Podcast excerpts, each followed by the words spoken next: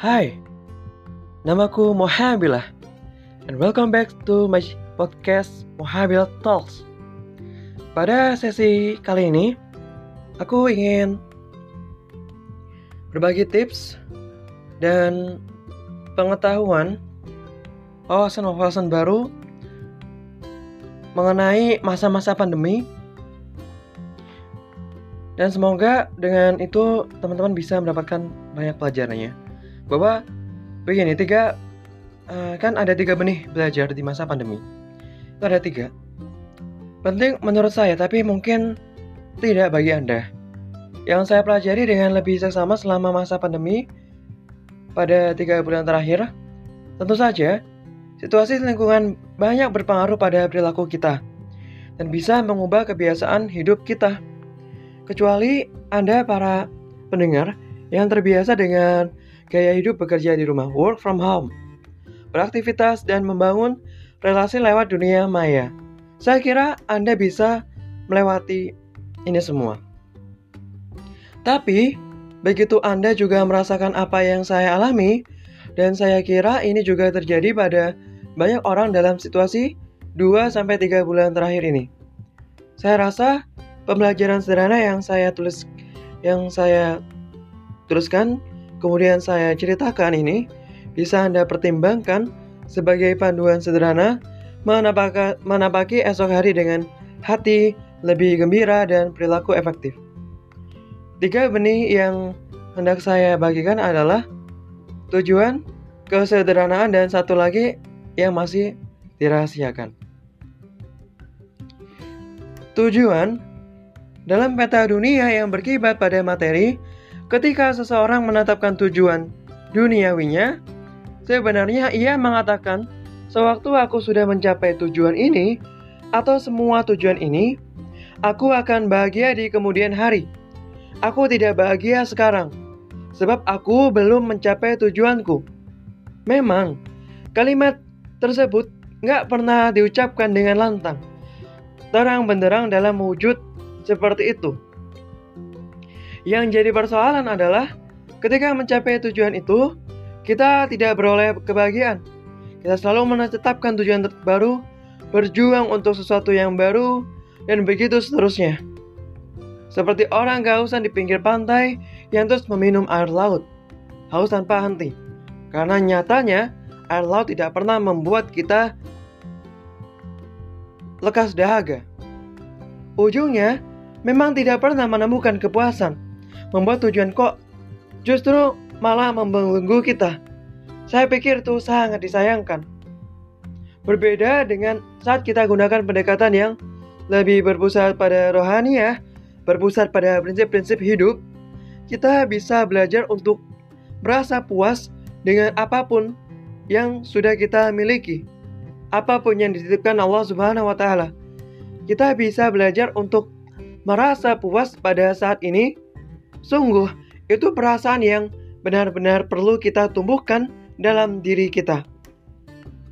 Jika sikap hidup atau filosofi merasa bahagia pada saat ini, merasa cukup dan mensyukuri apa yang ada saat ini, kita hubungkan dengan tujuan. Lalu, bagaimana agar tujuan-tujuan itu bersesuaian dengan perasaan kita, dengan hati kita? Kita bisa belajar menyelaraskan perasaan diri dengan tujuan-tujuan yang berhasil kita penuhi selama kurun waktu terakhir, dan mungkin dalam pengalaman pribadi. Hal ini sangat memudahkan saya memanen lebih banyak keberhasilan fisik dan non-fisik. Jadi, kalau kita sudah bahagia dan tentram, dan kita tidak terbelenggu tujuan, apakah itu berarti kita tidak melakukan apa-apa lagi, duduk-duduk, rebahan, dan atau tidak tidur sepanjang hari? Tidak sama sekali. Tentu saja, pasti saya tidak melakukan hal itu. Kita perlu mengerjakan apa yang bermakna bagi kita, apa yang membahagiakan kita, apa yang berguna bagi sesama. Bagi saya dan banyak orang, apa yang membuat kita bermakna dan bergairah adalah ketika kita berkarya, berkreasi, menciptakan hal-hal baru, mengekspresikan diri, menghasilkan sesuatu yang berfaedah atau yang baru atau yang lebih indah, atau yang membuat orang lain terinspirasi. Dengan cara sederhana, kita bisa berfokus pada apa yang ada saat ini untuk menjadi bahagia saat ini juga. Maka saya tidak perlu memaksakan sesuatu terlalu keras, tetapi fokus mengerjakan apa yang muncul secara alamiah.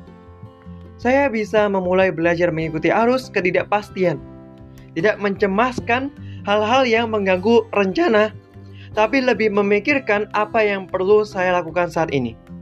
Dengan begitu, saya dapat mengambil keuntungan dari peluang yang muncul dan tidak pernah bisa saya rencanakan sebelumnya. Saya putuskan untuk mengerjakan hal-hal yang mampu dilakukan saat ini meskipun tidak bisa saya pastikan serta membuat keputusan mengenai apa yang terbaik saat ini bukan mengenai apa yang saya rencanakan beberapa bulan lalu. Maka dalam kesederhanaannya Anda tidak Anda mungkin tidak yakin bahwa gaya hidup sederhana itu punya banyak faedah. Ya, berikut yang saya alami bahwa hidup sederhana membuat saya jarang diderat seratus berat, lebih waras, gambiang, ya lebih gembira dan lebih mudah bahagia. Hidup yang lebih sederhana artinya menyedot banyak hidup yang lebih murah. Fokus saya menjadi lebih baik saat bekerja, ada cukup waktu luang untuk keluarga dan agenda penting lainnya. Saya bisa menyingkirkan apa-apa yang tidak perlu untuk saya lakukan. Anda juga bisa. Anda juga bisa mendapatkan manfaat ketika Anda menyederhanakan pemikiran Anda. Ya.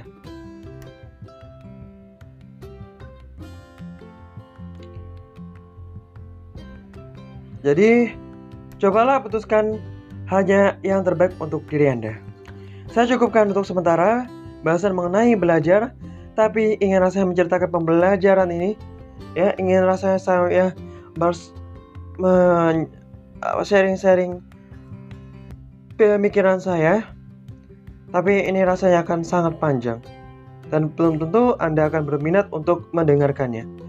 Jadi terima kasih sudah berkenan untuk mendengarkan podcast Muhammad Talks dan sampai jumpa pada sesi berikutnya.